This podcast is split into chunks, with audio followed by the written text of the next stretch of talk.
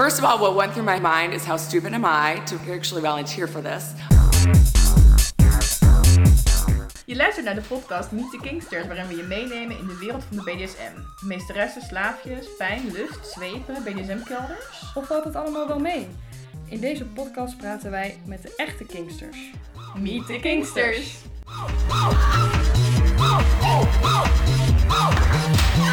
It, it, it was unbelievably painful. Hi, superleuk dat je luistert naar Meet the Kingsters. Vandaag bespreken wij de bondage scene en hiervoor hebben wij Haag als gast. Haag organiseert al jaren rope meets en hij geeft bondageworkshops en shows. Als iemand veel van de rope scene weet, dan is hij het wel. Leuk dat je er bent, Haag. Zou jij jezelf nog even kort willen voorstellen? Ja, hi. Leuk dat ik er inderdaad ben. Ik vind het leuk dat ik hiervoor uitgenodigd ben. Ten eerste mijn complimenten voor de, de, de timing van je Meet the Kingsters. Want ik kan me voorstellen dat het een uitdaging is als je niet naast elkaar zit. Ja. Ehm, Yep. maar ja, mijn, ik, ben, eh, ik ben Arjan Hageman. eh achternaam eh, is in mijn jonge jaren al snel overgegaan in een soort nickname Haag. Dus op verschillende platforms waar we ook onze events promoten, ben ik ook, eh, sta ik ook bekend als Haag. Ik ben bestuurder en oprichter van eh, stichting Ellipsis Rope Events. Dat is een stichting die we op een gegeven moment in het leven hebben geroepen toen de activiteiten wat eh, regelmatiger waren. En dat doe ik nu al met veel plezier eh, een aantal jaar. Ja, super tof. Heel tof. Waar ik het even over heb. Mensen denken bij bondage misschien aan iemand een, keer, een keertje vastbinden, zeg maar, of aan het bed. Eh, maar er is natuurlijk nog veel meer mogelijk. Zou jij kunnen uitle- uitleggen wat er allemaal kan met bondage? Ja, bondage is inderdaad een stukje complexer dan dat ik in de eerste instantie zeg maar, zelf ook eh, beschouwde. Ja, het gaat veel verder dan iemand vastzetten. Ik zeg altijd zeg maar, dat de mensen die gepassioneerd voor touwbondage zijn een touwtje pakken. En de mensen die alleen maar iemand willen vastzetten beter gewoon bij de handboeien kunnen blijven. Maar het is inderdaad veel, veel meer dan dat. Het is ook een, een expressievorm. Eh, het kan enorm artistiek zijn. In die zin kan het ook iets zijn wat je inderdaad beleeft met eh, grotere groepen, met gelijkgestemden. Uh, maar natuurlijk ook zeer zeker in de privésfeer wordt het benut vaak om een veel uh, diepere connectie aan te gaan met een partner. En of die connectie dan gebaseerd is op een gevoel van geborgenheid of een gedeelde expressie of uitdaging. Of dat het onderdeel is van een machtsdynamiek die in een relatie geldt. En dat is eigenlijk best wel uiteenlopend. In principe maak je in de, in de mondage scene of de rope scene, ligt er maar aan hoe je het eigenlijk benoemt. Uh, een onderscheid tussen uh, vloerbondage en suspensiebondage. Waarbij uh, vloerbondage eigenlijk alles is waarbij mensen dus niet worden opgehangen op een bepaalde manier. en suspensionbondage, dus mensen inderdaad van de grond geheven worden. Nou, duidelijk. Er is heel veel mogelijk met bondage. Uh, is het in de bondage zien ook zo dat er ook mensen zijn die switchen tussen vastbinden en vastgebonden worden? Of blijft dat altijd dat de een altijd de rigger blijft en de ander altijd, uh, ja, wordt het een buddy genoemd? Of uh, worden er andere namen voor gebruikt? Ja, in principe er zijn verschillende termen die je kan gebruiken. in principe wordt vaak het onderscheid gemaakt tussen top en bottom. Dus een rope top en rope bottom. Mm -hmm. maar iemand kan zich ook een rigger noemen, degene die, die knoopt. Of iemand die de touwen wordt vastgebonden kan zichzelf ook een rope model of inderdaad een bunny, wat een hele typerende naam daarvoor is. Uh, maar dat is maar een beetje hoe mensen zichzelf identificeren. Um, er zijn inderdaad ook rope switches, zoals je dat noemt. Eigenlijk mensen die het zowel fijn vinden om een ander te binden als gebonden te worden. Uh, en er zijn ook mensen die dat eigenlijk gewoon helemaal niet prettig vinden. Ik heb zelf wel de ervaring ook dat ik een aantal keer ben gebonden door partners, ook vanuit uh, educatief oogpunt. Maar ik heb gemerkt dat het niet voor mij is weggelegd. In die okay. zin, ik raad doorgaans uh, mensen altijd aan om het allebei te proberen. Het kan echt een hele mooie ervaring zijn. En mensen die met touw beginnen, die ontdekken vaak een beleving die ze niet van tevoren hadden kunnen inbeelden. En zeker als je open staat voor die ervaring, is het natuurlijk goed om dat een keertje te proberen. Ja, en waarom vond jij het zelf niks om vastgebonden te worden? Ik heb zelf een beetje iets met claustrofobie. Oh. Als in de keren Oh. dat ik dat ik vastgebonden werd, uh, was dat in uh, eigenlijk niet sociale kringen door partners waar ik een bepaalde dynamiek mee onderhield. Mhm. Uh, maar uiteindelijk zit ik toch vast. En dat, dat is gewoon niet iets wat ik zelf als, niet altijd als prettig ervaar. Nee, ja. ik, heb, ik heb zeker ook in workshop settings door ervaren riggers wel eens bepaalde dingen ondergaan. Ook eens om te voelen hoe dat is. Maar ja, ik ben toch liever de, degene die, ja, sorry voor de pun, maar de touwtjes in handen heeft. Uh, eh, ik denk dat het woord overgave en het vertrouwen in je partner, dat dat, dat, dat een thema is wat heel veel terugkomt. Ja. En dat is in touw natuurlijk niet anders. En daarom eh, denk ik ook bijvoorbeeld dat eh, de keren dat ik het heb ondergaan, dat dat eerder of in een soort serieuze eh, educatieve context is, waardoor er ook eigenlijk geen machtsdynamiek in die setting aan te pas is. En verder eigenlijk meer in de privésfeer, omdat er dan eigenlijk geen factoren van, buitenaf zijn. Want zeker als iemand vastgebonden zit, en je ziet wat mensen die eh veelal weet je, beginnen met knopen, die onderschatten nog wel eens hoe, wat dat met iemand kan doen. Want de een die voelt zich heel sterk in touw en de ander voelt zich heel kwetsbaar in touw. En dat kunnen allebei gevoelens zijn die mensen heel erg nastreven. Maar daarbij moet natuurlijk wel rekening gehouden worden dat als iemand in een kwetsbare, zich in een kwetsbare situatie begeeft, dat invloeden van buitenaf natuurlijk ook anders binnenkomen. En dat zou je ook terugzien bijvoorbeeld eh, op eh, rope jams en dergelijke, waar mensen zeg maar in sociale kring eh, knopen. Er zijn doorgaans ook wat regels met betrekking tot nabijheid waarin je je begeeft van mensen die aan het knopen zijn. Omdat voor sommige mensen kan het heel drukkend zijn. Je ziet het een beetje als op de grond liggen na een blessure. En tien mensen die in een cirkel om je heen op je neerkijken. Dat is een andere beleving dan dat je zeg maar oog tot oog met mensen staat. En daar kan de een beter tegen dan de ander. Jij geeft dus eh bondageworkshops, maar wat zijn, eh, nou, behalve die workshops, eh, nog meer manieren voor mensen om te leren hoe ze iemand goed en veilig kunnen knopen? Ja, het is een beetje goed, en veilig is een lastige. Want in die zin, zeker dingen als suspension bondage, raad ik echt mensen heel sterk aan om dit eigenlijk te doen in bijzijn van mensen die er ervaring mee hebben. Zij dat in een educatieve context of zij dat in het geval dat je goed bevriend bent met iemand die, eh, die daar meer verstand van heeft in een thuissituatie bijvoorbeeld. Grommeldage is in die zin eh, iets, doorgaans iets minder kwalijk. Zijn natuurlijk altijd risicogebieden zoals bepaalde zenuwknooppunten en bepaalde bloedvaten en je, je ademhalingssysteem en dergelijke waar je rekening mee moet houden. Maar zeker op het moment dat dingen niet te strak gebeuren en in overleg met beleid worden uitgevoerd en dat voor zover er bepaalde risicogebieden zijn dat die langzaam verkend worden, is het niet zozeer dat ik mensen afraad om zelf hier en daar te experimenteren, experimenteren met touw. Zeker de laatste jaren zijn er aanzienlijk meer online bronnen ook gekomen door gepassioneerde mensen die graag meer kennis hierover delen. Zeker veiligheid is daarbij en eh, heel erg eh, ja, vooruitstreven, omdat eh, ik zie het als edgeplay, als in een, een bondage kan heel gevaarlijk zijn als je niet weet wat het doet.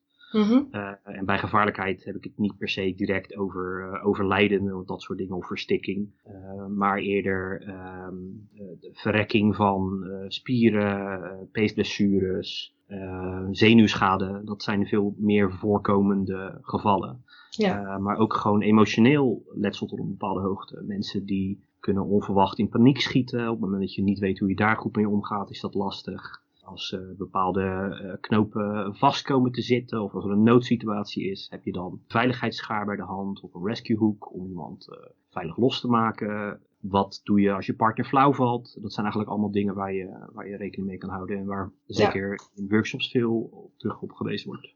Online bronnen, ook wel wat boeken, al is de, de kwaliteit daarvan erg variabel. Maar zeker mm -hmm. de, de nieuwere uitgaven zijn wat onderhevig aan wat ja, strengere kwaliteitseisen, omdat de scene ook een groeiende is dan bijvoorbeeld ja. bronnen die al dik 20 jaar oud zijn. Ja, wat mij ook opviel is dat er op YouTube heel veel filmpjes uh, te vinden zijn over uh, hoe je een bondage aanlegt.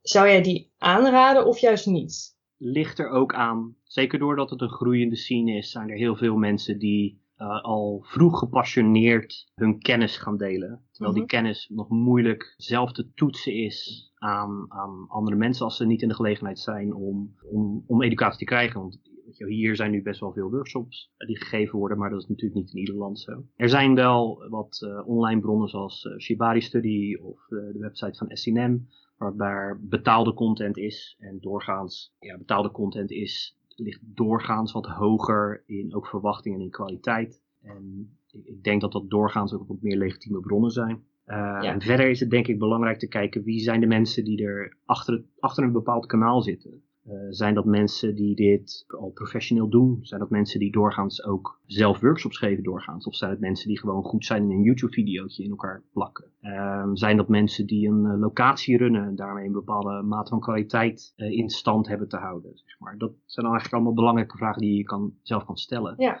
Uh, sommige mensen zijn gewoon heel bekwaam in het opzetten van een kanaal, maar dat betekent nog niet dat ze verstand hebben van hetgeen wat ze, wat ze daar delen. Goeie tips.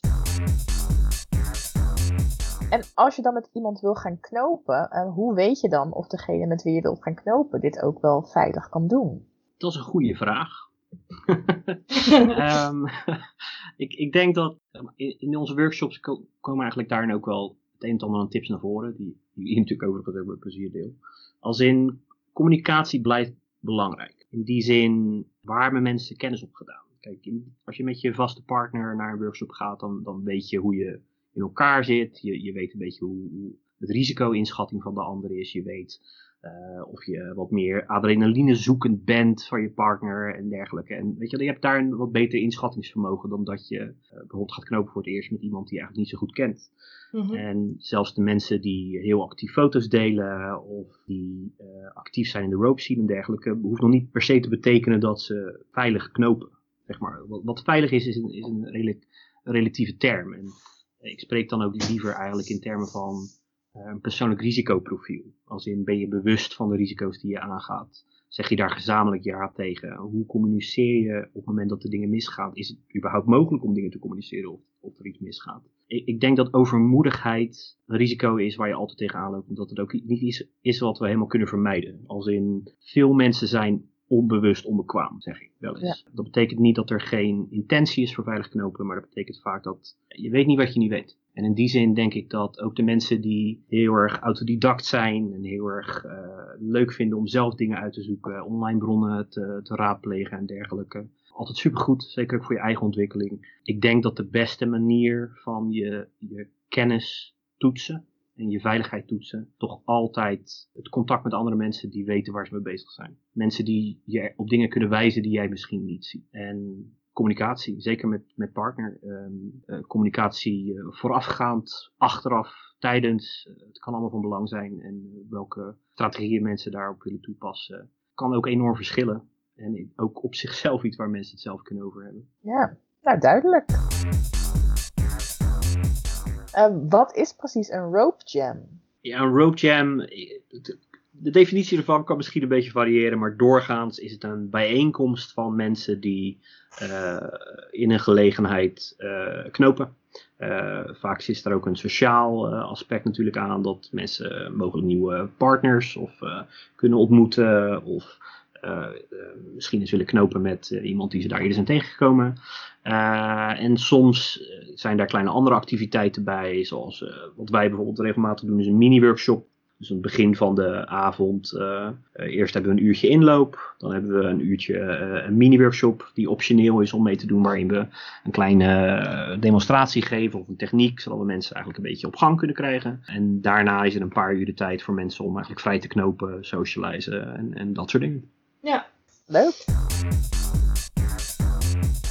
Wat voor activiteiten worden er georganiseerd binnen de rope scene?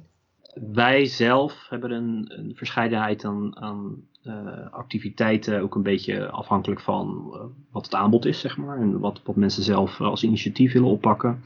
Uh, maar evenementen die we hebben gehad zijn bijvoorbeeld onze rope events met performanceavonden. Dus dat we eigenlijk op podium met belichting, muziek, een aantal performances hebben. Vaak gaat dit gepaard met een internationaal workshop wat dan die, dat weekend volgt. Dan vragen we de internationale artiesten de avond ervoor om een performance te doen. En uh, aangevuld door een aantal meer lokale artiesten. Uh, we hebben ook een soort live drawing events. Waarbij er statische poses worden geknoopt door ervaren koppels. en er mensen aanwezig zijn die ja, live drawing doen. Dus eigenlijk snelle schetsen doen van wat ze zien. Zo dus meer een beetje die artistieke kant richten. We hebben iets meer peer-to-peer uh, bijeenkomsten uh, of studygroups noemen we die ook wel, waarbij mensen gericht gaan voor het delen van kennis. Dus minder om vrij te knopen en meer heb je iets te delen, ben je ergens mee bezig, wil je iets laten zien. meer een soort studygroup bijeenkomsten organiseren. Mm -hmm. We hebben ook self-tying avonden. Want ook zeg maar jezelf knopen is een groeiende discipline. Ja. is ook een hele leuke groep. Discussieavonden. niet helemaal bondage eh, gelinkt, maar een boardgames en bondageavond uh, normaal gesproken eens in de Oh, maand. echt? Waarbij de helft van de ruimte vol staat met tafels met een eh, enorme ruime collectie eh, bordspellen. En eh, mensen eigenlijk een beetje kunnen mengen tussen eh, een spelletje spelen met, eh, met mensen die aanwezig zijn en een beetje knopen. Oh, wat En dat is leuk. een hele succesvolle bijeenkomst. Ja. Juist ook omdat de wetenschap dat je altijd nog een bordspelletje kan spelen, Ja. de sociale drempel enorm verlaagt. Dus, eh, Ja, Oh, dat is een goed eh, idee. Ja, mijn passie voor bordspellen uit het verleden en de collectie die ik daarbij heb eh, verzameld, wordt daarbij goed benut. Heel goed. Leuk. Hoe zit het eigenlijk met de eh, sociale controle binnen de rope scene? Ja, de, op ergens voor de hand liggend, maar de, de sociale controle die ligt hoger bij de mensen die zich in de scene begeven dan de mensen die zich buiten de scene begeven. Mhm. Ehm, je hebt altijd mensen die buiten de scene opereren. En daar is aan zich op zich niet heel veel mis mee. Eh, want voor sommige mensen is touw veel intiemer. Of ze, ze, ze vinden het sociale aspect van de rope bijvoorbeeld iets minder. Eh, of er is, eh, zoals ik al eerder zei, simpelweg geen mogelijkheid om een rope chain bij te voeren op de locatie waar ze wonen. Ehm, de sociale controle in de rope scene is hoog. Eh, zeker ook omdat de bereidwilligheid om die passie te delen groot is. Het is echter wel lastiger soms om uit te voeren. Zeker eh, als je meer verstand gaat hebben van touw, van de risico's die daarmee komen. Eh, als je meer ervaringen hebt met, met letsel of kleine ongelukken, word je bewuster van de risico's van touw op een andere manier. Eh, doorgaans is mijn ervaring dat het ook dat heel veel steun wordt geboden, heel veel advies wordt geboden. Zeker modellen onderling. Ik denk dat heel lang de, de vaardigheid beschouwd werd als dat die lag bij de rigger, de, de top, die eigenlijk de touw eh, toepast. En ik ben eh, heel blij om te kunnen zeggen dat de afgelopen jaren een enorme ontwikkeling is geweest. Ook bij de kennisontwikkeling van de modellen, dus de mensen die in touw hangen. De, de meeste mensen zijn heel erg bereid om, om te praten over hun ervaringen en ook zeker over de, de moeilijkheden, want die worden zijn niet altijd zichtbaar. Eh, het is altijd goed om te realiseren dat iedereen is begonnen en de, de gemeende deler is de passie voor touw. Ehm, worden mensen ook, ehm, spreken ze elkaar ook aan? Als je dus bijvoorbeeld iets bij iemand ziet en je denkt, oeh, volgens mij gaat dat niet helemaal goed. Of dat kan beter, dat, dat, dat mensen dat dan onderling ook wel op dat moment zeggen? Ehm, ja, dat gebeurt wel met regelmaat eigenlijk. Deels ook omdat uh, vaker broke jams, dan probeer je een, een uh, situatie te creëren dat uh, mensen ook een soort peer-to-peer -peer learning dingen van elkaar leren. Het is doorgaans een beetje de truc om hoe dat goed te doen. in je moment daarvoor uit te kiezen. Zeker als mensen echt een soort sessie hebben met z'n tweeën, dan uh, is uh, kritiek van buitenaf niet, natuurlijk niet altijd even gewenst. En de ene is wat, daar wat sociaal gevoeliger voor dan de ander natuurlijk. maar ook zeker online heb je wel mensen die elkaar feedback geven. Ook zeker als ze dingen zien die misschien een beetje gevaarlijk zijn. ik heb dat zelf natuurlijk ook wel gedaan. Want het is, het is soms lastig als je mensen gevaarlijke dingen ziet doen waar ze mogelijk geen, geen besef van hebben. en ik heb dat gedaan met gevarieerd succes. Als in de, je kan uh, tien mensen op dezelfde manier uh, feedback proberen te geven. En iedereen kan een andere manier van feedback ontvangen, waarderen. Sommige mensen die staan er helemaal niet voor open. Sommige mensen zijn super dankbaar. En ik denk dat het ook iets is waar ik met de jaren ook wel iets beter in ben geworden. Uh, omdat ik, ik ben vrij direct. En directheid wordt niet altijd gewaardeerd. Zeker als mensen net een mooie foto online hebben gezet. Uh, oh. Daar heel veel positieve reacties op hebben gekregen. En dat, uh, dat bedweterig uh, zorgenmakende Ar Arjan dan ineens om de hoek komt met... Hey, mogelijk is het niet helemaal handig om nog een keer te doen. Maar daarom denk ik dat dingen als beginnersworkshops ook gunstig zijn. Zeker daar kan je heel veel basisveiligheid in kwijt. mensen die bereid zijn om naar beginnersworkshops te gaan. En niet eigenwijs, oh nee, ik heb toch alles al gedaan en bla bla bla. En ik ga wel gelijk door naar gevorderde. Dat soort types, die hebben natuurlijk ook ja. Uh, de mensen die naar beginnersworkshops gaan zijn ook doorgaans wat bereid om open te staan voor feedback. Mijn advies is ook altijd aan mensen, sta open voor feedback. Vraag om feedback. Uh, het, is, het is de snelste manier om jezelf te ontwikkelen. Ja. ja, ik kan me voorstellen dat het soms even lastig is om dan, uh, ja, als je zulke feedback krijgt. Maar ik denk dat het alleen maar heel positief is dat dat gebeurt. Ja.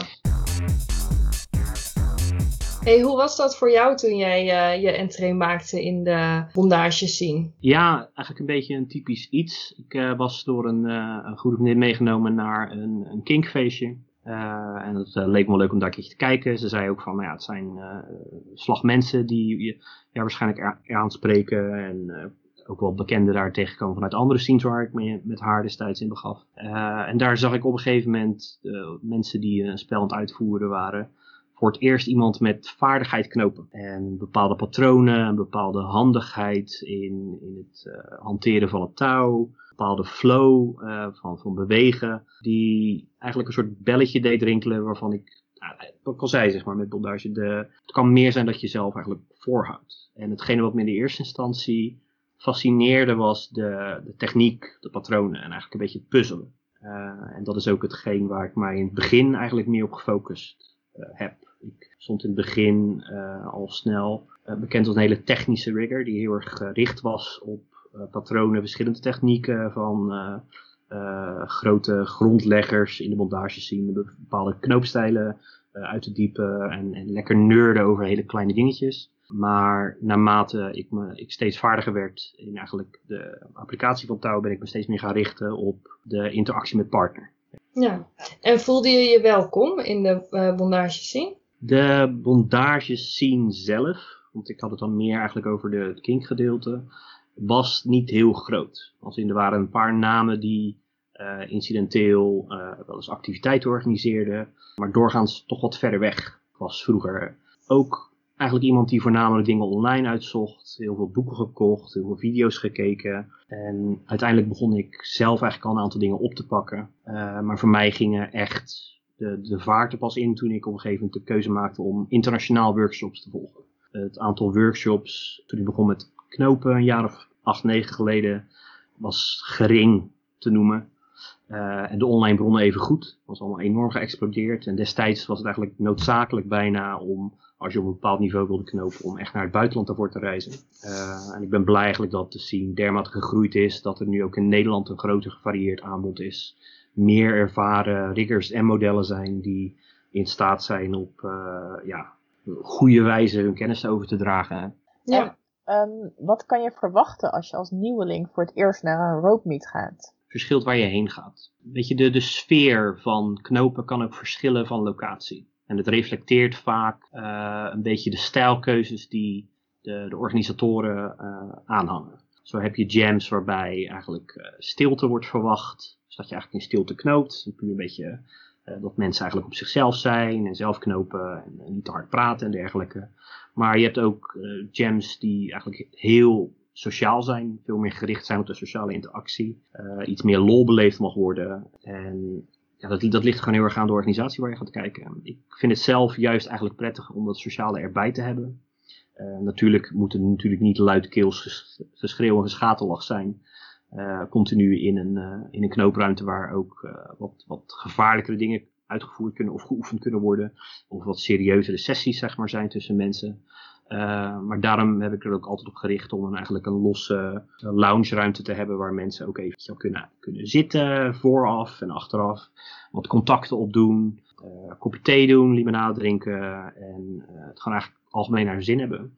En zeker de laatste jaren werd dat steeds uh, actiever. Ook de, de, de aantallen mensen die de, de jams bezoeken is ook enorm gegroeid. Net voor de, de pandemie hadden we makkelijk jams met 30, 35 mensen. En dan wordt het al een veel socialere aangelegenheid. Ja. Uh, en dat trekt ook verschillende mensen. Want sommige mensen komen juist ook een heel groot deel voor dat sociale aspect. En andere mensen die hebben wat liever een wat rustigere jam. Ja. Uh, uh, zodat ze iets meer met hun partner, zeg maar, wat serieuzer kunnen knopen. Ja. En als je helemaal nieuw bent, ja, kan je dat dan gewoon aangeven en word je dan misschien geïntroduceerd? Of hoe, hoe gaat dat dan? Ja, mijn advies is, leg contact met de organisators eventueel vooraf. De, de, de, meeste mensen staan heel makkelijk beginnen te woord. En ik, ik zeg altijd, een rope jam is niet als een, een, dansles. Bij, bij een dansles heb je een soort verbeelding van wat je kan verwachten. Het zal in een zaaltje zijn, misschien is er een bar, er, zijn, zullen pauzes zijn. Mensen zullen met, met danspartners komen, muziek op de achtergrond. Weet je dat is concreet. Als in de meeste mensen hebben daar wel een voorbeeld van. En media laten er ook voorbeelden van zien. Waarbij rope jam zijn bijna geen voorbeelden van online. Dus, dus wat mensen verwachten is heel uiteenlopend. Uh, er zijn mensen die uh, het heel eng vinden omdat ze verwachten dat het allemaal heel duister en donker is. En dat kan. Er zijn locaties die daarop ingericht zijn. Um, maar de meeste mensen zijn eigenlijk bij ons aangenaam verrast hoe sociaal het is. Hoe, uh, hoe, uh, hoe, snel ze contacten leggen met mensen. En ja, hoe, hoe, normaal het eigenlijk allemaal is. Ja, doorgaans. Mensen geven jams om mensen te kunnen ontvangen. Niet, niet om, ja. onsociaal te doen tegen de mensen die komen. Dus, dus Ja. leg vooral het eerste contact. Eh, waarom ben jij eh, ooit begonnen met het organiseren van rope meets? Ja, om gelijkgestemden te, te ontmoeten. Als in toen ik begin, toen ik begin eh, wat meer gepassioneerd werd voor touw, toen waren er een aantal mensen in mijn destijdse vriendengroep die al wat kennis hadden. En die hebben mij daar ook eh, destijds in begeleid. En dat was meer de thuissfeer. Eh, maar doorgaans waren de, zoals ik al zei, de mogelijkheden om iets te, te leren in Nederland waren beperkt. Dus, dus een groep bijeen krijgen die tegelijkertijd kan, die allemaal geïnteresseerd is, die allemaal op hetzelfde niveau zitten, is in een kleine scene moeilijk te waarborgen. Waarbij privéles weer een heel duur alternatief wordt. Dus de eerste rope meets die ik op een gegeven moment zelf ben gaan organiseren, was het idee dat ik zelf een soort jam organiseerde. Dus een aantal knoopplekken in een ruimte eh, faciliteerde met matten en eh, suspensiepunten voor de mensen die op dat niveau zaten. En een mogelijkheid om een drankje te doen en dergelijke. En de eerste bijeenkomsten waren eigenlijk een soort mini-workshops. Ik denk dat ik toen zelf een jaartje knoopte. Was ik heel actief aan het doorgeven wat ik op dat moment zelf ook leerde. Uh, en het heeft best wel een tijdje geduurd voordat de, de, de situatie er was en de aanloper was en de kennis er was om meer algemene rope jams te doen. Dus dat, dat mensen gewoon puur komen, gaan ook een beetje, misschien een klein introductiedingetje en daarna gewoon hun eigen gang gaan. En ik ben blij dat dat tegenwoordig kan. Maar in die end ben je eigenlijk gewoon begonnen van, joh, hey, ik, ik, vind, ik vind dit leuk en ik wil graag met mensen zijn uh, die dit ook leuk vinden. En om van elkaar te kunnen leren en leuke avonden te hebben. Ja, ik ben altijd ja. heel sociaal ingesteld geweest. Ik heb altijd heel vaak uh, vrienden en kennis over de vloer gehad. En naarmate er meer interesse werd, is dat langzaam ook naar locaties verplaatst. En zeker met mijn ervaring in evenementenorganisatie, voordat ik mij in de rope en king scene begaf, heeft me heel erg geholpen in het makkelijk opzetten van iets voor de rope scene en de king scene. Ja. Uh, ja, want wat ik me afvraag, um, ja, want, want kan iedereen dan dus zomaar een rope meet gaan organiseren? Ik denk het wel. Als in de, er is een, een ja en nee. Ik, ik denk dat op het moment dat je een rope meet organiseert in uh, weet je, een yoga studio of een gymzaaltje of, of bij je thuis of, of iets in die trend. Uh, en goed doorcommuniceert weet je, waarom je het doet, wie je zelf bent, wat je ervaring is. Dat je een hele leuke, positieve ervaring kan hebben met mensen die dankbaar zijn dat iets in hun omgeving wordt georganiseerd. En kan je ook veel vrijwilligers, mensen die zeg maar willen bijdragen uh, in de vorm van vrijwilligerswerk of iets in die trend verwachten, omdat dat de scene zo een beetje in elkaar zit. Uh, maar aan de andere zijde, op het moment dat je weinig verstand hebt van touw, wel het in je hoofd hebt gehaald om serieus dingen te gaan organiseren en jezelf ook als heel serieus en professioneel profileert, dan denk ik dat er ook een, een risico aan vastzit in, in welke mate andere mensen de verantwoordelijkheid bij jou laten liggen. Wat het lastige soms is, is dat mensen die geen verstand hebben van touw en technieken en bondaarstechnieken en dat soort dingen, die zijn al snel onder de indruk van iemand die een beetje iets kan. Als Ja. die persoon die ze dan voor zich hebben niet doorcommuniceert wat, wat hun uh, bereik van kennis is en mogelijk ook beperkingen zijn, dan is het heel moeilijk om, om in te schatten hoe risicovol je bezig bent. En ik denk dat het voor mensen die serieus wat meer willen organiseren uh, en bijeenkomsten willen houden, zeker ook als ze mensen ontvangen die ze niet persoonlijk kennen. Dus daardoor ook een hele andere relatie hebben met betrekking tot elkaar aanspreken op dingen en verwachtingsmanagement. Uh, dat het goed is om bepaalde ja, regels in ieder geval te hanteren. En zeker ten rade gegaan, te gaan bij meer ervaren organisatoren om te kijken welke risico's lopen zij nu tegenaan. Want je kan altijd een voorstelling hebben van hoe je evenement loopt en wat mensen doen en welke grenzen mensen zich gaan houden en welke grenzen onuitgesproken kunnen zijn en welke uh, expliciet moeten. Uh, maar na zoveel jaar en zoveel events die, die ik heb gedaan, ik word soms nog steeds verrast door dingen die ik echt niet zie aankomen. En naar, maat, nou, naar, gelang, naar gelang leert men en uh, pas, pas wel op, ons daar ook op een toe.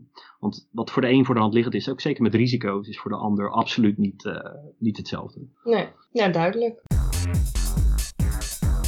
Wat ik me ook nog afvroeg, want we zitten nu in een pandemietijd, dus uh, heel veel gebeurt nu online. Is er een online uh, rope scene? ja, die is er wel. Het is een beetje moeilijk te zeggen of dat een scene aan zich is. ik denk dat heel veel mensen met uh, gedeelde kinks, als bondage en dergelijke, of, of ja, interesse ligt een beetje aan hoe je het benoemt, dat die elkaar uh, vinden op verschillende social media. Dus je hebt Mhm. een deel van de rope scene die begeeft zich op Facebook, of Eh, Instagram is een heel eh, eh, populair platform daarvoor.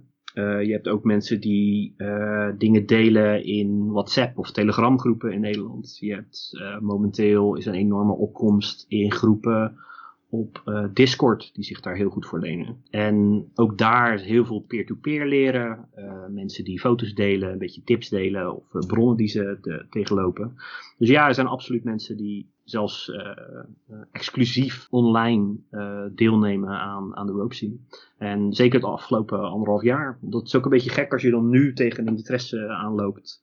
Dat er dus geen evenementen zijn Ja. waar komt om dat te ervaren. En ik denk dat voor heel veel mensen die het afgelopen jaar eh, trouw thuis op hun partner op een kussen hun knoopjes hebben geoefend. eh, die ze op YouTube hebben zitten kijken. Dat er voor hun een eh, wereld open gaan als ze dadelijk inderdaad naar een goede locatie met wel, een verscheidenheid aan bronnen en, en mogelijkheden en advies. En die sociale interacties. En ik kijk er zelf Ja. ook enorm naar uit. Ja, wij Oh. allemaal. Ja, zeker ook het sociale. Dat is, dat is ook een Ja. beetje het, het, het boeiende aan de scene ergens. Het is zoveel meer dan touw alleen. Ja, dat, dat is, is wel een groot gemis momenteel. Ja. Er zijn wel mensen die online jams eh, organiseren. En ik vind het supergoed dat dat werd gedaan. Maar hoe, hoe gaat zo'n online eh, rope jam? Wat moet ik me daarbij voorstellen? Ehm, ja, zeker op het moment dat mensen eh, wat willen delen over technieken. doen mensen bijvoorbeeld iets voor op de camera. Of mensen hebben gesprekken over eh, de dingen die gaande zijn in de scene. In de zin van eh, hoe doe je negotiate af, voorafgaand aan een, aan een scene. Of iets willen vertellen over de geschiedenis van, van, van touwbondage. Maar er zijn ook mensen die, die knopen gewoon thuis met eh, de camera aan. En eh, mensen kunnen een beetje kletsen en kijken hoe andere mensen aan het knopen zijn. En een algemene sociale bijeenkomst. Oh, dat is wel Dat zal ook verschillen Ja, bij dat per klinkt wel bijeenkomst. echt Ik er heel gezellig. niet veel bij gewoond. Ja, zeer zeker. Ja. Wat voor soort mensen kom je nu eigenlijk tegen in de bondage scene? Van alles. Ik denk, ja, van alles. Eh, Een grote variatie in, in leeftijden, vooral. Ik denk, eh, in principe, zeker omdat wij voornamelijk ons profileren via eh kink-platforms zoals FatLife, zal dat invloed hebben op type mensen wat je over de vloer hebt. Maar ja, doorgaans komen er, komen er best wel wat mensen uit de, de kink scene. Dus hebben wel een soort met van een, een aansluiting. De, de leeftijdsvariatie is enorm. Je hebt mensen natuurlijk altijd vanaf 18. Dat is ook wel een beetje de minimumleeftijd die wij hanteren bij onze bijeenkomsten. Maar ik heb ook koppels eh, in de 70 die ik meermaals eh, privéles heb gegeven. Die Echt? super blij zijn met, met de connectie die ze momenteel met Oh. elkaar hebben. Ik vind dat En dus ergens- echt heel erg lief. Ja, het is, ook, het is ook heel apart om iedere keer te horen van... Ah, ik wou dat ik hier 30 jaar eerder achter was tegengekomen. Ach, ja, zeg van, oh. ja, maar 30 jaar geleden was dit er nog niet. Als in, de, de vorm die er nu is. En ik denk dat het mooi is dat je er nu achter bent gekomen. Ja. Ik denk dat heel veel mensen hier nooit tegenaan zullen lopen. Ik denk dat mensen van andere culturele achtergronden of eh, bepaalde etniciteiten, dat die ondergerepresenteerd zijn in de rope scene helaas. Ik denk dat het ook gedeeltelijk komt door, zeker bij ons, omdat we via FatLife promoten dat, dat die groepen daar ook ondergerepresenteerd zijn. Ja. Maar ook met betrekking tot hoe leg je dit netwerk. Eh, zeker als de scene zich nog deels best wel een stukje underground begeeft, omdat het nog wel privacygevoelig is, en je niet alles even het publiek gooit, leren toch een hoop mensen zeg maar, de scene kennen door eh, bevriende mensen. Eh, en daardoor zie je wel eens een verschuiving in, in je aanloop van publiek. Eh, zoals bijvoorbeeld de afgelopen jaren is, de, is de aanloop mensen die non-binaire genderidentiteit of mensen je, vanuit de queer scene of mensen, trans mensen bijvoorbeeld, die, die, die groep is langzaam ook wat actiever geworden bij ons in de locatie. En daar ben ik heel erg blij om. Als in dat. Dat betekent dat mensen ehm, eh, zich gewoon geaccepteerd, normaal, vrij voelen in onze locatie. En dat is iets wat ik heel erg belangrijk vind. Ik vind het belangrijk dat de, de sfeer in een locatie niet beoordelend is. Dus niet, niet body shaming, niet eh, neurotisch op eh, weet je stijlverschillen of iets. Geen, geen seksisme, geen ageism en dergelijke. En dat, dat maken wij in onze gedragsregels ook heel erg kenbaar. Eh, en ik ben ook heel erg blij dat, dat, dat we op die manier ook eigenlijk zijn ontwikkeld de laatste jaren. Ja. Eh, zeker ook nu met afgelopen anderhalf jaar natuurlijk ook met de pandemie, waarbij eh, initiatieven als Black Lives Matter natuurlijk weer opnieuw veel meer naar voren zijn gekomen, is dat ook in de rope scene een veel meer naar voren gekomen onderwerp. Dus dat soms een wat meer afgezonderde groep is en uh, dat er rekening mee moet gehouden dat mensen vanuit gemarginaliseerde groepen niet altijd gelijke kansen hebben. Uh, zeker ook in andere landen zie je daar ook wat meer focus op. Ik denk dat we daar in Nederland ook nog iets op teruglopen. En ik moet ook zeggen zelf dat ik er naar uitkijk nu ik die, uh, de voorbeelden eigenlijk zie uit van onze collega's over de grens. Dat ik daar zelf inderdaad ook naar wil gaan kijken. Dat er bijvoorbeeld tickets worden aangeboden in verschillende prijsklassen. Dus dat je eigenlijk een soort sponsoringsticket hebt die iets duurder is, een algemene prijs en een prijs voor mensen die misschien uh, minder te besteden hebben. Uh, want sommige groepen hebben het financieel natuurlijk zwaarder. Uh, en daarnaast, er zijn gewoon weinig goede voorbeelden. Ik, ik, denk dat representatie in de scene een hele belangrijke is. en ik denk dat we daar ook ons wat meer voor moeten inzetten. ja. Juist ja. ook om voorbeelden te kunnen bieden. En dat vind ik ook ergens het mooie aan internationale uh, artiesten hosten. Dat je eigenlijk een verscheidenheid aan mensen kan uitnodigen. Ik begeef me in een best geprivileerde positie waarin ik best wel invloed op kan hebben op de positieve ontwikkeling van zo'n zien. Door, door dat soort uh, eigenlijk voorbeelden en rolmodellen uit te kunnen nodigen, die een plek te geven uh, om die exposure te kunnen veroorzaken. Ja. Zeker, zeker de Black Lives Matter movement het afgelopen jaar heeft me ja, daar best wel op, op, dingen gewezen waar ik me misschien ook niet altijd van bewust uh, van was, waarin in nog veel winst te behalen valt. Dus Ja. daar kijk ik zeker naar uit als we weer de doorstart gaan maken. Ja, Ja, supergoed dat je daarmee goed. eh, bezig gaat houden. Ik denk dat dat inderdaad voor de diversiteit echt super fijn is. Ja, absoluut. Wat ik me afvraag, doen mensen die in de, eh, nou, ja, veel in de bondage zien zitten, naast bondage ook nog andere BDSM-activiteiten? Of houden de meesten het echt alleen bij knopen? Zeker in Nederland ook heel veel mensen die daarnaast ook andere BDSM-activiteit hebben. Zeker omdat weet je, je vrijheid ontnomen wordt, eh, kan er, al, kan er heel makkelijk een soort uh, machtsdynamiek plaatsvinden. Daarnaast ook, touw kan heel goed gebruikt worden om een ander pijn te doen. Maar pijn zeg maar op een manier die mensen fijn vinden. Als in je kan het ook natuurlijk op een manier doen die mensen minder fijn vinden. Maar dan ben je naar mij beetje slecht aan het knopen. Maar um, nee, zeker. Er zijn een hoop mensen die pijnbeleving als, als fijn beleven. En um, ook als je gaat kijken naar, weet je, wat doet touw nou met je? De, de, heel veel mensen die voor het eerst geknoopt worden, die voelen zich de dag erna of helemaal euforisch of een beetje down. Weet je, het doet iets met ze. Want de, weet je, deep pressure op spieren laat uh, knuffelhormonen vrij. Dus de, de geborgenheidsgevoelens kunnen daardoor meer naar voren komen. Hè? Waardoor mensen een enorme veiligheids, uh, weet je, verbinding met een partner kunnen vinden, heel blij kunnen zijn. Maar anderzijds, uh, een beleefde dreiging of een beleefd gevaar in touw kan ook heel veel adrenaline vrijgeven. En dat kan ook een hele stressvolle beleving zijn. En sommige mensen vinden die adrenaline juist heel erg fijn. Ja. En daarin zie je wel wat overeenkomsten met bijvoorbeeld mensen die bijvoorbeeld uitgesproken uh, masochistisch zijn. Uh, meer iets meer een edgeplay doen, dus meer de extreme op willen zoeken. En ook zeker die machtsdynamiek uh, opzoeken. Dus ja, absoluut. Je hebt, je hebt best wel wat mensen die ja. de rope zien. Daarnaast er ook nog wat andere activiteiten op, op nahouden. Maar je hebt ook mensen die, die, die dat niet doen. Ja, ik snap het wel. Ja, er is ook zoveel leuks om te doen. Er is heel veel leuks om te doen. en ik ben blij dat je dat op jullie kanaal ook uh, in, in geur en kleuren laat. Uh... Ja, wij hebben het overal over. hey, en um, ja, wat zijn de, de regels binnen de bondage zien? De, de, de ongeschreven regels misschien? Ja, veiligheid. Veiligheid, veiligheid en consent. Die liggen heel erg voorop. Als in, zonder toestemming is er niet dat gevoel van veiligheid. Zonder uh, wetenschap dat, je, dat, dat, als er iets gebeurt dat je er voor elkaar bent, is het spelen met risico's. Mensen die kleine ongelukjes meemaken. Want het, het gebeurt dat mensen zenuwschade oplopen. Of het gebeurt uh, dat, dat er een touw breekt. Of, uh, of dat iemand een upline in de suspension, in de bondage, dus een van de lijnen die iemand omhoog houdt, dat die faalt door een slechte knooptechniek. Uh, en dat iemand naar beneden valt en, en een, een been stoot of een hoofd stoot. Het komt niet heel veel voor, maar het komt voor. Ja. En de, de ene die maakt een ongelukje mee en die schudt het van zich af en die gaat direct verder met knopen. En de ander die schrikt best wel. En de impact die dat op iemand kan hebben is, is wel eentje die serieus genomen moet worden. En ook de mensen die zich langer in de rope scene begeven, die komen meer tegen. Die hebben meer ervaringen, die hebben een beter besef van de risico's en geven dat ook maar al te graag door aan mensen die eigenlijk uh, net beginnen met knopen. Um, acceptatie ook van, uh, van eigen lichaam, van eigen kunnen uh, is een hele belangrijke. En ja, dat het, dat het leuk is. Ja, het is als in, touw kan heel duister en heel donker zijn, maar het kan ook gewoon heel leuk zijn. Ja, En nou, klinkt goed. Zijn er eh, specifieke gewoontes binnen de eh bondage zien? Dragen mensen bijvoorbeeld eh, allemaal een bepaald soort kleding? Of dat er bepaalde dingen vaak gebeuren of iets dergelijks? Kun je daar wat over vertellen?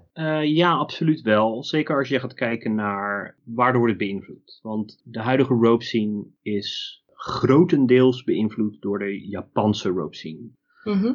Maar zeker een hoop mensen halen hun inspiratie uit die cultuur. Dus dan ga je mensen zien die eh, graag knopen in kimono, of eh, hun touw op een bepaalde manier opbergen, of eh furoshikis gebruiken, wat een soort Sorry, wat?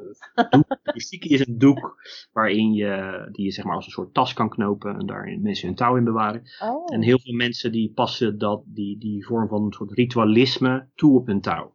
En Mhm. heb je mensen die veel meer die eh, Japanse stijl aanhangen en heel erg trouw en nauw, zeg maar, zich daarin verdiepen. En mensen die dat iets minder belangrijk vinden. Eh, er valt iets voor te zeggen. Als in, als mensen daar een waarde uit hebben, eh, halen, dan vind ik het een, een grote meerwaarde. Eh, is dat niet zo, dan hoeft het niet. En momenteel zijn er natuurlijk heel veel discussies over tot welke mate shibari of kenbaku of dat cultural appropriation is. Eh, Ja. Want in principe nemen we heel veel technieken en gewoontes over van wat, iets wat meer een Japans cultureel ding is. Ook de beleving van touw, zeker de beleving van schaamte is daar enorm anders. En er, daar zijn best wel discussies over en ik denk dat daar hele goede punten ook voor te maken zijn. Ja. Nou, in iedere scene heb je natuurlijk dingen die, eh, die je leuk vindt en misschien wat minder leuk vindt. En eh, nou ja, wij vroegen ons af wat je het minst leuks vindt aan de rope scene. Dat is een goede vraag. Wat vind ik het minst leuke aan de rope scene? Ja, ik denk het zorg, zorgen maken soms. Ik ben iemand die kan ik kan me iets te veel zorgen maken over andere mensen. Zeker ook naarmate je meer kennis hebt, is het ook makkelijker om het gebrek aan bepaalde kennis te herkennen bij andere mensen. En naarmate er meer mensen zijn die knopen, ga je meer voorbeelden online vinden van mensen die eigenlijk risicovolle dingen doen zonder dat ze weten dat die dingen risico zijn. Dus juist de informatievoorziening is dan heel lastig. Zeker met de verscheidenheid aan bronnen. Ik denk dat, het, dat de kwaliteit van informatievoorziening steeds beter is. Maar ik denk dat je in iedere scene eigenwijze mensen hebt. ja. Mensen die Ja. toch denken het zelf beter te weten. Mensen die toch vinden dat ze geen workshop nodig hebben om gevaarlijke dingen te doen. Mensen die toch een te hoge dunk hebben van hun eigen kunnen om, om echt goed met feedback om te gaan. En ja, de- iedere overal zijn mensen gewoon mensen. ja. En menselijk falen komt daar ook gewoon bij kijken. En dat, eh, dat, dat zal je hier ook zien. En eh, ook in de scene, juist door ook de verscheidenheid van aanloop, zal je ook eens lopen tegen andere politieke of morele over, eh, overtuigingen. En ja, dit, dit- daar goed mee omgaan kan, kan echt een uitdaging zijn. Absoluut. Ja. ja. Ja. En, en wat vind je het leukste van de rope scene? de interactie tussen de mensen. Als, als ik iets het laatste anderhalf jaar gemerkt heb. De, je, de pandemie is nu natuurlijk een beetje een jaar dicht alles. Maar kort voor de pandemie eh, eh, zijn wij helaas van onze locatie kwijtgeraakt. En Ik kan niet wachten tot om eh, weer de ruimte te hebben om nieuw te zoeken. Wat ik heb gemerkt het laatste jaar is dat ik, ik mis heel erg het bijeenbrengen van mensen. Ik mis heel erg mensen die een beetje schichtig op hun eerste evenement zijn en naar huis gaan met tien nieuwe vrienden. Niet letterlijk Oh. naar huis gaan, maar Ja, tien nieuwe opgedane vrienden. ja, snap Eh, ik. mensen die wel, het, het fijn vinden dat ze, dat ze zich thuis voelen. Ja, dat vind ik echt verreweg het belangrijkste. Ja, dat eh, ja. mensen gewoon op hun gemak zijn. Om, Ja. onder, op een gelijkgestemde. ja. Ja, leuk. Ja, leuk. Er zijn natuurlijk echt superveel scenes. Ehm, is er een scene waar jij misschien nog niet zoveel van af weet en waarvan je denkt, nou daar zou ik best wel eens even een kijkje willen nemen? Leuke vraag. Ehm, ja, ik heb hier een tijdje geleden concreet over nagedacht. Want eh, alle dingen die eh, niet leuk zijn in de rope scene, hebben me er door de jaren ook nog wel eens eens aan doen twijfelen of ik door wil gaan met het organiseren van evenementen. Want zoals ik ook al zei, weet je wel, het zijn de mensen waarvoor je het doet. Niet, niet Ja. puur alleen de discipline zelf, want ik kan ook thuis knopen. Maar ja, daar heb ik wel eens over nagedacht. Ik, heb door mijn leven ook wel door verschillende scenes gehopt. En eh, zo nu en dan een soort refresh button ingedrukt. De ervaring van de scene ervoor meegenomen. En op een ander vlak gestort. En zo ook nu met de rope scene. En de rope scene die blijft verdacht lang hangen. Maar ik heb wel eens afgevraagd of er een moment was dat ik er klaar mee zou zijn. Dat lijkt vooralsnog niet de situatie. Maar ik denk dat als ik een andere scene in zou stappen, dat het mogelijk de stand-up comedy scene zou zijn. Oh, echt? Oh, echt? Ja, gek genoeg wel. Oh, Als in, eh, dat is iets wat me jarenlang al heeft gefascineerd. Maar in, Ne- ik- in Nederland heb ik daar nooit echt iets mee gedaan, omdat Nederlandstalige comedy vind ik anders. Maar ik heb ook gemerkt dat ook door de groei in de, in de comedy scene in Nederland, dat er daar ook steeds meer Engelstalige dingen plaatsvinden. Dus ik denk dat als ik ooit zoiets heb van, oké, ik ben helemaal fucking klaar met de rope scene. ik wil eens een keertje wat nieuws doen, dat dat, ik, eh, dat, dat mijn stap zou zijn. Superleuk. Ja, heel erg tof. En eh, ja, dankjewel dat je eh, ja, ons wilde vertellen over de, de bondage scene. Ik vond het echt super interessant. Eh, ja, dus dankjewel. En eh, ja, nou ja, heel graag. wij zijn er natuurlijk eh, volgende maand weer. En vergeet ons ook niet te volgen op Instagram onder de naam Meet the Kingsters. En we zitten ook op FetLife onder dezelfde naam. En op onze website vind je ook regelmatig eh, blogposts. Dus eh, nou, check het allemaal. En dan eh, ja, tot volgende maand. It, it, it was unbelievably painful.